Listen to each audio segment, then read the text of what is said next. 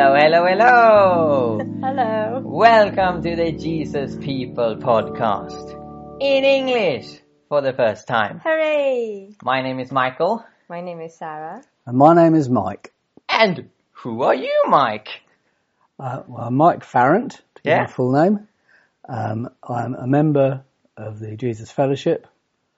Um, I live in one of their Christian community houses in Kettering Yeah. called Holy Treasure. Um, and I work within the church. Um, I've been here for about 40 years. Yeah. And we're so glad that you want to be interviewed by us about the Jesus Army. Yeah. Uh, we have mentioned several times before in this podcast that the reason that I now live here in the UK at Holy Treasure, uh, together with Mike and the others in the community, is because of the existence of a church that practice community called the Jesus Army. And we suspect that some of you haven't heard about Jesus Army or don't know so much. Uh, so really, we want to um, inform you about the history of the church and how it works, and do so via interviewing Mike Farrant. So it's a pleasure to have you with us in the podcast.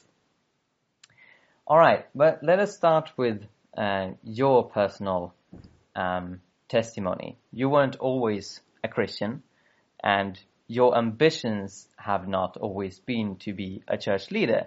You have had some other ambitions, isn't Yeah. it so? Yeah.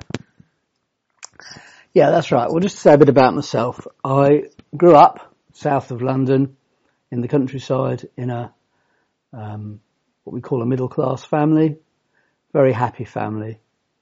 And I was quite a bright kid at school. Um, and as I entered my teenage years, I thought a lot about how I wanted the world to be. Um, and I was very concerned about issues like world poverty. Um, later on, I became very concerned about the environment, which was just becoming a concern in the early 1970s.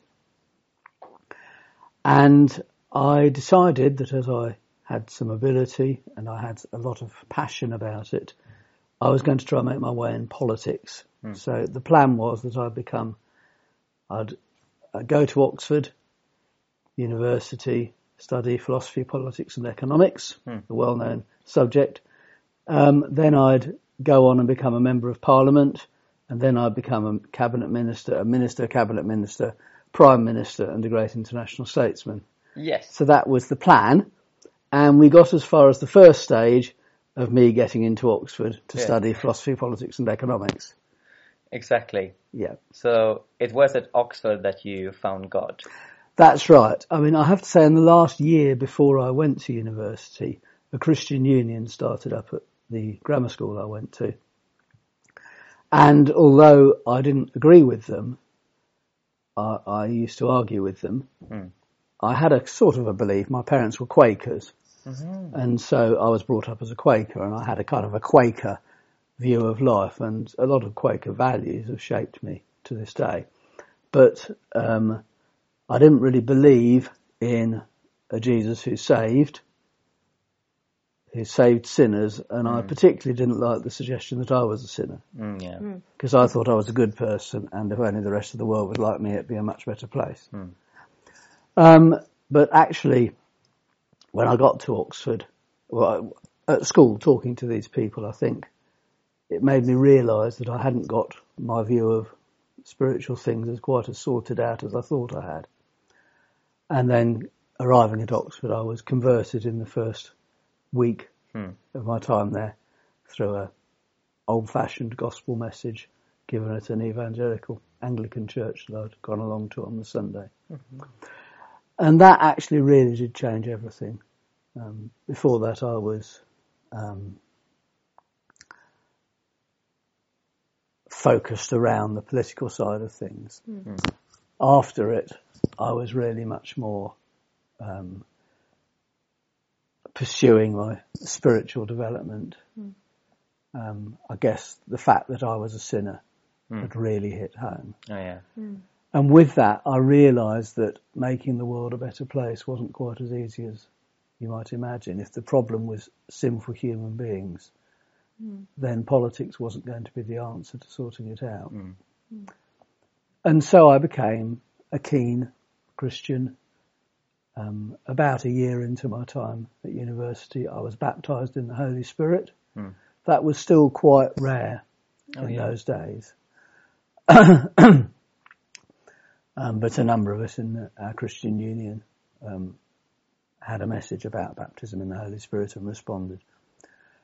And I guess from then on, I was looking for a place where I could work out my Christian faith. And increasingly, my ambition was not to be Prime Minister, but to become a pastor Oh yeah. and then an apostle Yeah. and plant my own movement. Aha. So alright. you see that the ambition hadn't quite died, just got adapted a bit. Yeah. Yeah. And it's funny because uh, Tony Blair was studying at Oxford at the same time, wasn't Yes, he was. That's right. Yes, uh, he arrived at Oxford with an interest in spiritual things and Christian community. Yeah. and ended up becoming prime minister. I arrived at Oxford with an interest in um, political things and ended up Mm. joining a Christian community. Yeah. Yeah. We never met though. oh, oh. But because you you um, encountered the Jesus Army or the Jesus Fellowship, as its official name is. Yeah, in my last year at um, Oxford, a number of us went up to what was known as Bugbrooke at the time. Bugbrooke was the village where the Jesus Fellowship started, and um, when I first went up, I was a bit cautious. Guard was up, um, but I found something very striking. Uh, not simply kind of congregation moving in spiritual gifts, but a powerful love and something incredibly inviting that just drew you into it. So I made my escape as quickly as possible and thought, well, I'll think about this over the next week, and if I don't want to go back, I don't have to. But actually, from when I did think about it, I thought, you've been seeking God to find fresh release in the Holy Spirit. My baptism in the Spirit had sort of dried up on me, and I wanted to find it again. And now God's given you it, you better follow this up. And so I went along to Bugbrooke most weekends, at maybe on just one meeting on a Saturday or a Sunday. Um, probably quite a turning point was at the Easter um, of that year when I came up for the whole weekend, and there were baptisms on, and my conscience had been pricked because I'd wanted to be baptised by immersion as an Anglican, but the church I went to didn't do it, and so I'd settled for a christening. But I knew it wasn't really what God had told me to do. And so when I heard teaching about baptism in water by immersion, I thought I need to do this. And I got baptized on the Sunday night of that um, long weekend. And as I came up out of the water, I don't know what I was expecting, but what I actually found was this group of maybe a hundred people. It was, about, it was about midnight, so it was quite late. About a hundred people around me. And I just found God saying, this is your family. Hmm. Which was very bad news because although I'd appreciated Bugbrooke, I had no intention of staying here. Hmm. And I wrestled with that for the next few weeks, but in the end God said to me, look, this is where I want you to be. And I tried one or two other places hoping that that would be the place. And it just, nothing hmm. registered. And so in the end, somewhat reluctantly, I thought, well, I'm going to have to join this church. And I thought it'll just be a few years till I become an apostle and plant my own. Yeah, and, and this was quite a, a powerful outpouring of the Holy Spirit, wasn't it?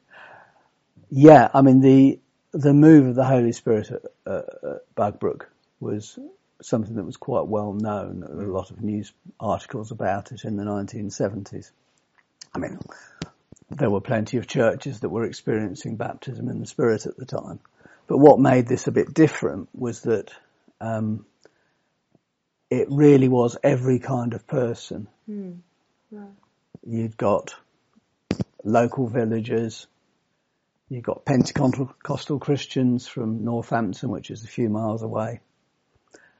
You'd got um, people like myself, students, but you'd also got people from the hippie drug Yeah. drug addict scene, um, bikers, Mm. some fairly heavy characters, and who'd got converted. Mm. And so this church was a real mixture of all sorts of different people who wouldn't naturally have crossed paths. Mm. And I think God used that to make us realize that this church was going to have to be something different. Just being a sort of a, a nice middle class church plus baptism in the spirit was never going to be enough for the mixture of people that we got. Yeah. And um, God spoke to Noel Stanton, our pastor, really about becoming a radical church.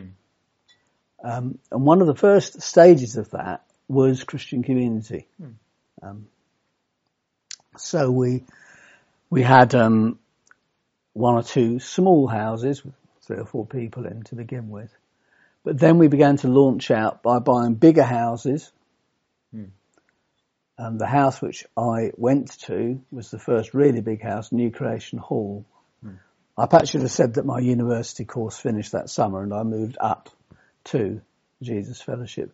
And I moved into New Creation Hall, um, which was still a, being redeveloped. It Yeah. was an old rectory and they'd sort of started at one end and by the time I got there the one end was done but they were still busy converting all the bedrooms and everything else for the next three years. And it was chaos. Yeah. On a Friday night you'd try sweeping upstairs and the dust would all fall through the cracks in the floorboards down onto the ground floor. um, Okay. so it was fairly rough and ready and some of the people you were living with um, included some people who were um, had been delivered from their drug addiction and some people who hadn't quite been delivered from their drug addiction. So you got all sorts of people um, there. And you had to learn to work it out with very different people. Um, but it was attracting loads and loads of new folk. So before long we had New Creation Farm, which was in the next village, and which was our first venture into farming. Mm, yeah.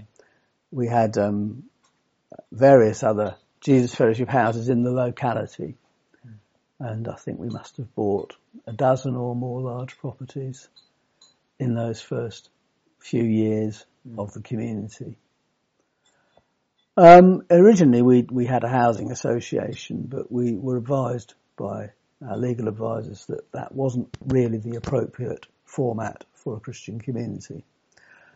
And in the end, what we did was we, um, at the end of the 1970s, we set up a trust called Jesus Fellowship Community Trust um, as a, a proper trust, which would both have certain objectives, but it would also be a, a trust for the people who were members of the community. Um, and that's been the the thing that's underpinned our community. I'm wondering, um, this was in the 70s and 80s. Yeah. You've been involved ever since. Um, what are some of the highlights during this 40 year period in the history of the church?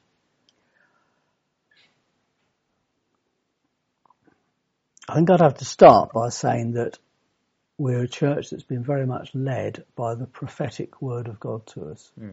So God has brought revelation to us, um, teaching in all sorts of areas, and then we've done it. Hmm.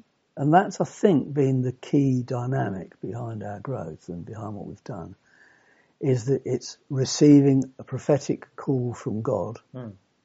And so that took us beyond community, beyond our own businesses. It took us beyond things like celibacy and kingdom marriage, um, covenant together as a church. These are sort of quite basic things about us. Um, led us on into um, outreach, Jesus Army, Yeah. That was it was all led by the prophetic word. Noel particularly was, although many other people had important wisdom pictures that helped to point us along the way, but Noel was the key person who would bring this directive word and say, "This is what we're going to do," and we just went for it. Yeah. Um, and so on into the 90s when God talked to us about taking our place in the wider Christian scene, both in the UK and overseas, and we developed the multiplier movement to kind of facilitate that, particularly overseas, but also in the UK. yeah, that's sort of your missionary That's the outreach. ministry there. Yeah. And, well, Jesus Army is our missionary thing in the UK. Multiply is more our networking thing. Yeah. Um, and then on, on into the um, the noughties this century with the Jesus Army vision of having Jesus, sorry, Jesus Centre vision, having Jesus centres in particular towns and cities where we got a congregation, um, which could meet social needs, meet human needs, meet basic basic needs for food and so on, help people. We'd had really from the days of Jesus Army on a particular heart to reach the poor, to reach the people that nobody else was reaching. So that prophetic word, which um, kept on coming, was very important. I think um, many churches would not have attempted to do as much as we've done. Oh, yeah. But I think doing all the things we've done has made us more rounded um, and provided places of connection. That's been a key thing, I would say. But are there some problematic things in your past that you now can see were not as good? Well, I think the thing about being a church with clear vision, strong direction that keeps on moving on is that the people who struggle may not get the attention they need. Um, we were a prophetic church. We had pastors, we had pastors, you know, and some of the pastoral care was very good. But looking back, I think people who were struggling sometimes felt we just can't find our way through. And we did lose some people, some people left that probably needn't have done if they'd been better looked after. Um, I think many of us, putting my hands up here, many of us in the early days were a little heavy-handed in our shepherding. Um, we took seriously what God was saying to the church, but we didn't sufficiently take hold of the fact that you have to take people with you. And at the end of the day, each person has to make their own decisions. Yes, there's a place for training and discipling, but you have to respect the right of the individual to decide what they want to do, including deciding they don't want to do what you want them to do. Um, and I think there was some carelessness there, um, which verged on bullying in some cases. Um,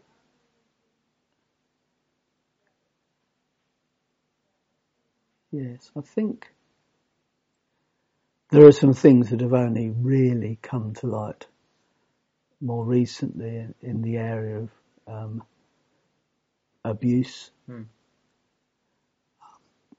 It in the church in the 70s and 80s. You just never thought that you might have people coming among you with the motive of accessing children. Um, but we found that that was the case. Um, we perhaps became a bit more clued up on it from the early 90s onwards when we began to get people saying, this has happened to me, that has happened to me. Um, but we probably, probably didn't take sufficient steps. Certainly by today's standards, mm. we didn't have the right protection in place. Although from the early 90s we started having some of it in place. But looking back, that's um, that's been very bad, very sad, mm. because a number of children have been damaged by stuff that's happened to them. People who were children among us. Mm. And that's a great sadness, which we're trying to put right at the moment. Yeah. Yeah, surely, and that's something that um, I get the impression of that you you do take it very seriously. You do have several things in place um, to prevent it from happening further on. I think we're we're okay on prevention. I think the greater concern is reaching is how we can say sorry to the Mm. people that were affected in the past. Yeah. Many of whom are not only grown up, left the community, but have, ha- are out of contact.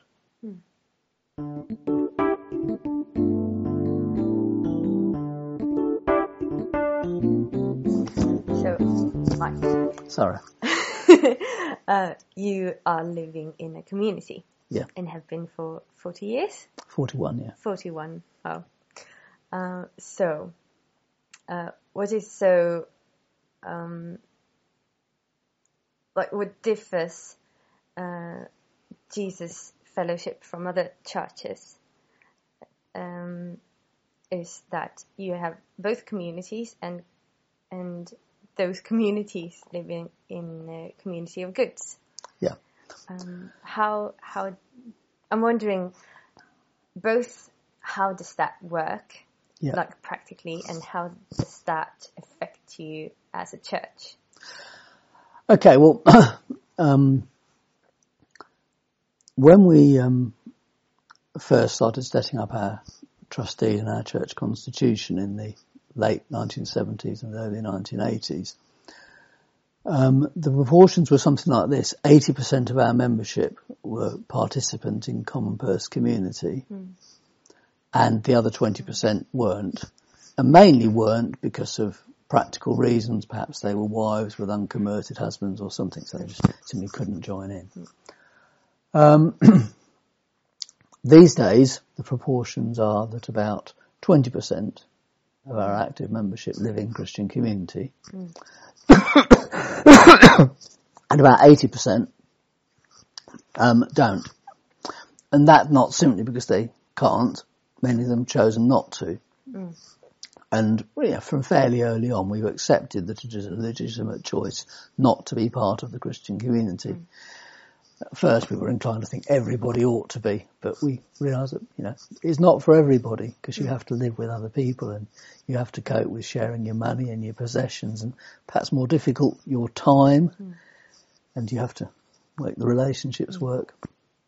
So we've been on a the role of community as although it has been very central to our church, it has changed and is changing now. In fact, we're actually at the moment engaged in quite a, a review, which, amongst other things, is trying to reflect the fact that the church is now very largely non-community members.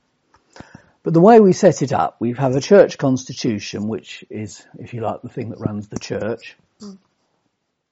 Which has got a sort of a subsection that talks about the community membership inside and so on. Mm. And then we have a separate trust deed, which governs the running of the community. How it works together is that, for instance, here in Kettering, we have a community house, which is quite big, but actually there's only eight of us. Plus Nine Mike, plus. Mike, plus Mike, sorry, plus Michael. Eight and a half. living in Christian community, and then we've got a congregation of about 50 adults altogether, and about 15 children. So, um, the church has its program through the week. Some things are based in the community house. For instance, our covenant meal together, which all the covenant members of the church, both community members and other covenant members, share together. Um, and there are various other things through the week. The Saturday night meeting tends to happen here. But other things are elsewhere. We hire a hall for our Sunday morning and Sunday evening meetings in the centre of town. And um, the midweek groups don't happen here.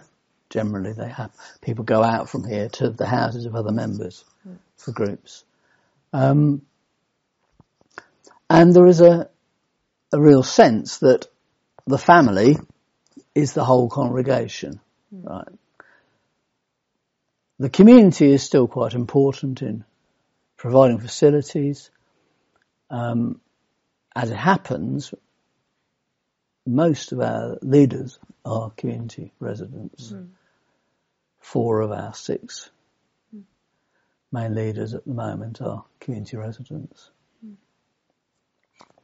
Mm. Um, in the community itself, we have a community house, which is owned by the trust, and the common purse of the community, that is the shared bank account of the community members, pays the trust for the use of the house, a rent if you like. We also make a payment for the cars which are provided by the community and um, the furniture and equipment in the house. Um, the common purse to which all of us who are members, common community members, put all our money in, that meets the running costs. Mm. So the food, the um, um, fuel costs, mm. the vehicle um, fuel and repairs, personal spending, mm. Spending of individual members of the community on things they need. Mm. That all runs through the common purse. So the common purse is the kind of the central financial bit. Um, legally, the elders, there's four of us who are elders, mm. are responsible for the um, the house. Mm.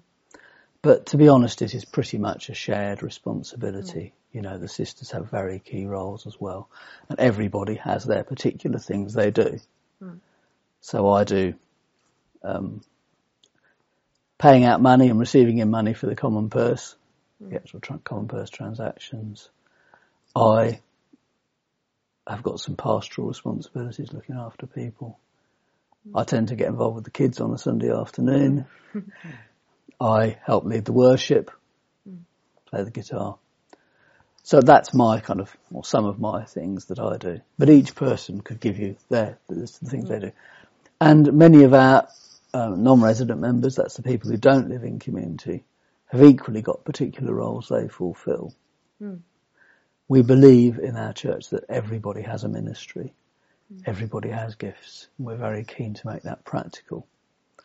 Mm. We don't want it to be the sort of the church where the pastor or the pastor and the deacons do everything and everybody else is just hmm. pew fodder. Um, we want to be a body of Christ in practice. Yeah.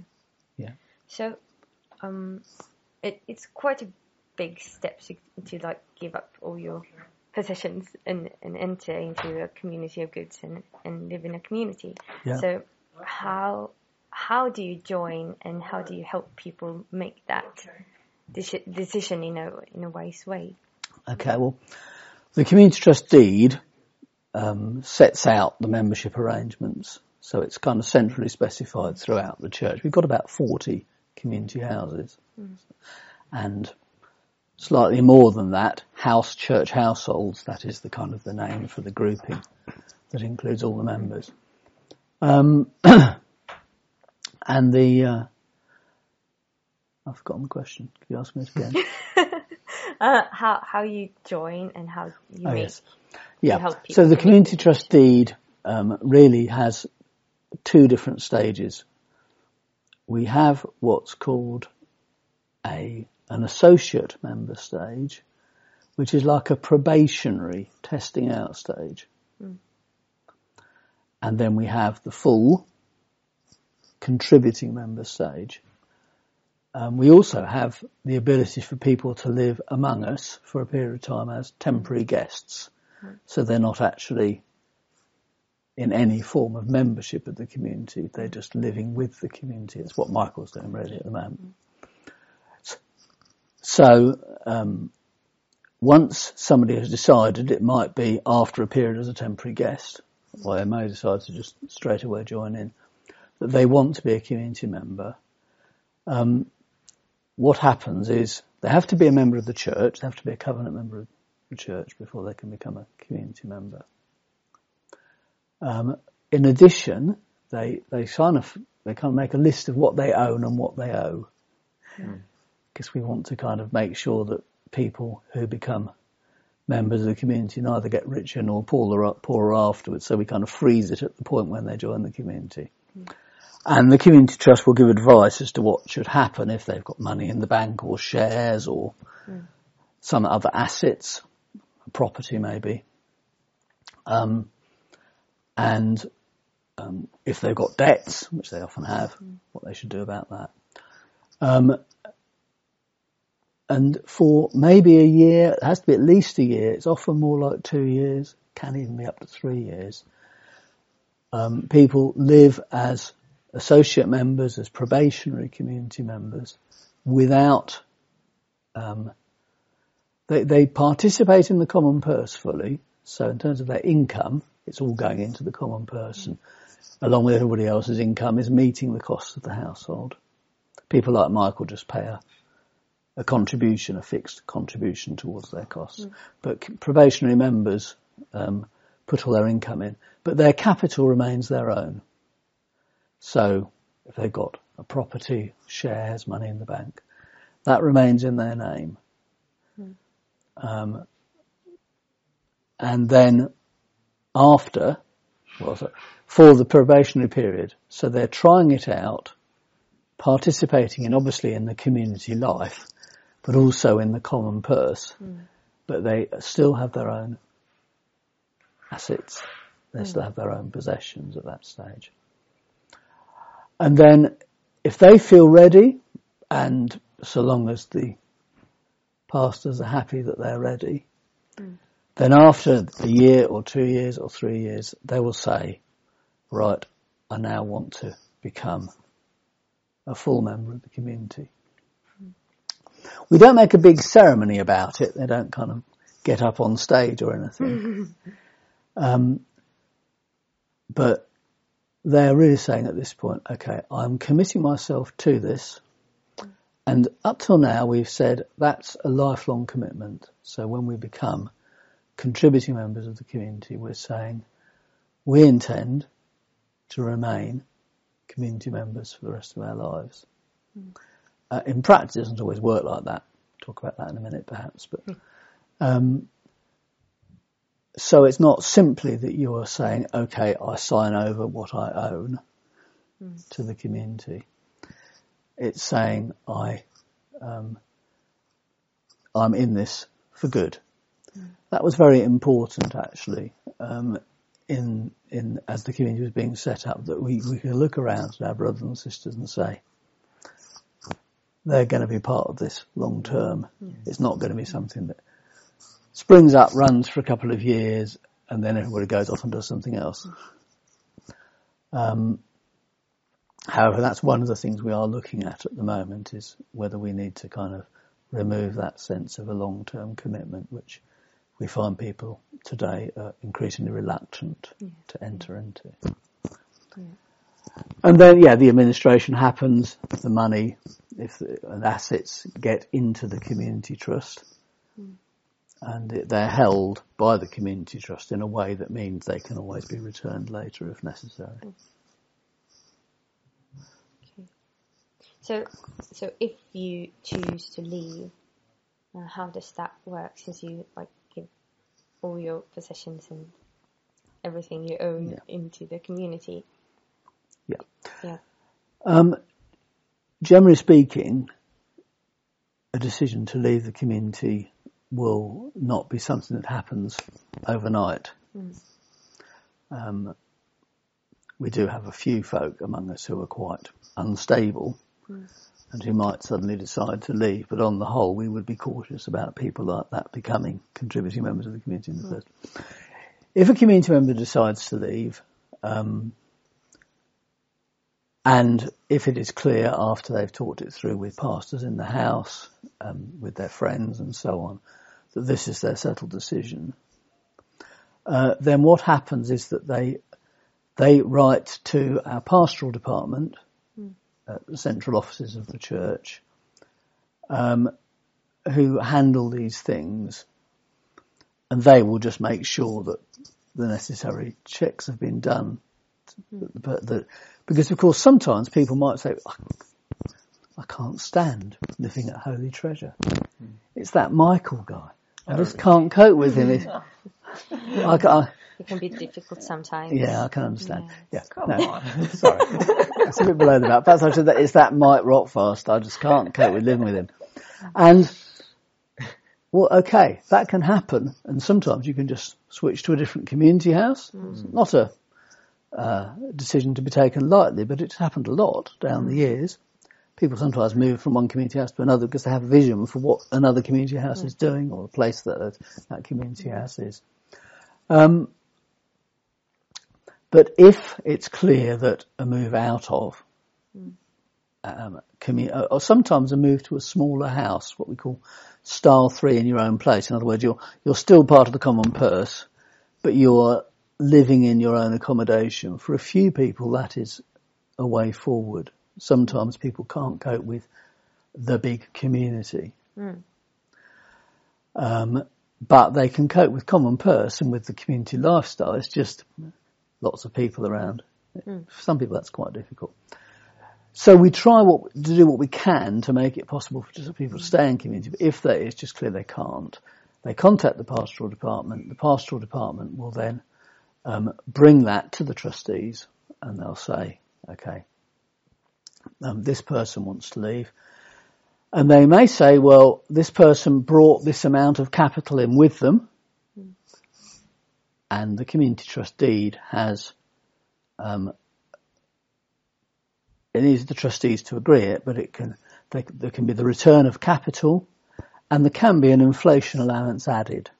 So for people who are, um, not, uh, sorry, pe- people who brought money in some years ago, hmm. to just return the money they brought in hmm. without adding an inflation allowance would Yeah, mean they were, you're returning a lot less in real terms. yeah, of course. So there is the option to add an inflation allowance. The trustees have always returned capital, hmm. even though in theory they could say no, they never have. Not everybody asks for it, by the way. Some people say, well, no, I don't want my capital back, but I do want to leave the community. But a lot of people ask for their capital back. And the trustees have added the inflation allowance um, in cases where there seems particularly good reason to do so. They're, they're at the moment talking about doing that as an automatic thing. That's one of the changes we're looking at at the moment.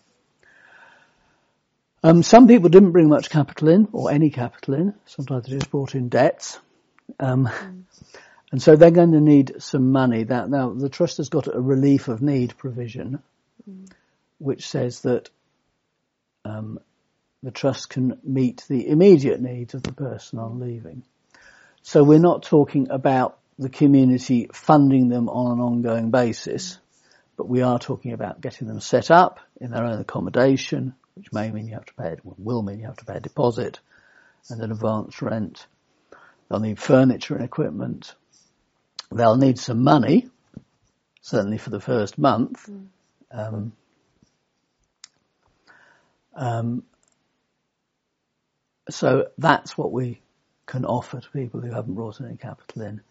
Again, there is a bit of a review going on and we're wondering whether we should be, for all members, whether or not they've got capital, um, looking at paying something extra to reflect the number of years they've been living in community, but that's not been um, decided yet. It hasn't even been formally proposed yet. We're just considering that. Okay. Um, so the last question then. Yeah. How has uh, a life of 40 years, 41 years in community, how has it affected you? What's the personal impact in your life? Yeah. Just briefly. Um, well, I think Christian community is um, it suited me well. I'm the sort of person that can cope with other people around me. It is, I mean, the challenge for most people, putting your money in isn't that difficult. You might think it will be, but it's actually not. For most people, and for me, it wasn't a difficulty. Um, it's the kind of the sharing your time and sharing your space that's a bit trickier, but I can cope with that. Um, it's developed me. It's challenged me. I think it's relentlessly challenges you on the weaker parts of your character. you go into community thinking, I'll be able to do this and that with the stronger parts of your character, but it's the weaker parts. Yes. Your ability to be vulnerable, maybe for, for me, was one thing. Mm. Your your ability to accept correction, mm. um, your ability to understand what you're like mm. for other people. Um, so there's been plenty of challenges, disappointments along the way. For about 30 years, I was leading a, well no, I was in another community house for the best part of 30 years. For the, all but the first five years, I was the main leader there. And in the end, that community closed. It folded.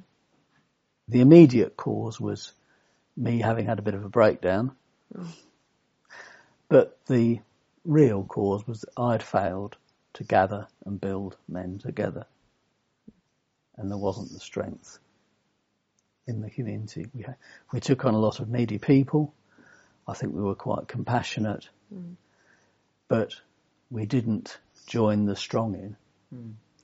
And so it just became a, too much weakness, not enough strength, too much demand on a few people. And that's why I um, collapsed in the end. Mm. Um, and you, so it does search you out. You do mm. learn about the hard way about what you're like. Yeah.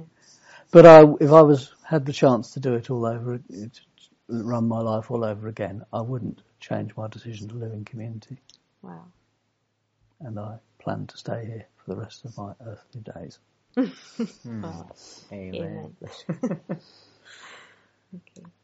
Yeah. Thank you so much for participating in the interview. Yeah. Um, if listeners and viewers want to read more about the Jesus Army, the website is jesus.org.uk. We have also written uh, a lot about it on helapingsten.com, the website for Jesus Jesusfolket. And uh, yeah, thank you again. It's been a real pleasure yeah. to listen to you. Bless you. All right. Thank you, everyone. Bye bye. Bye bye. Great.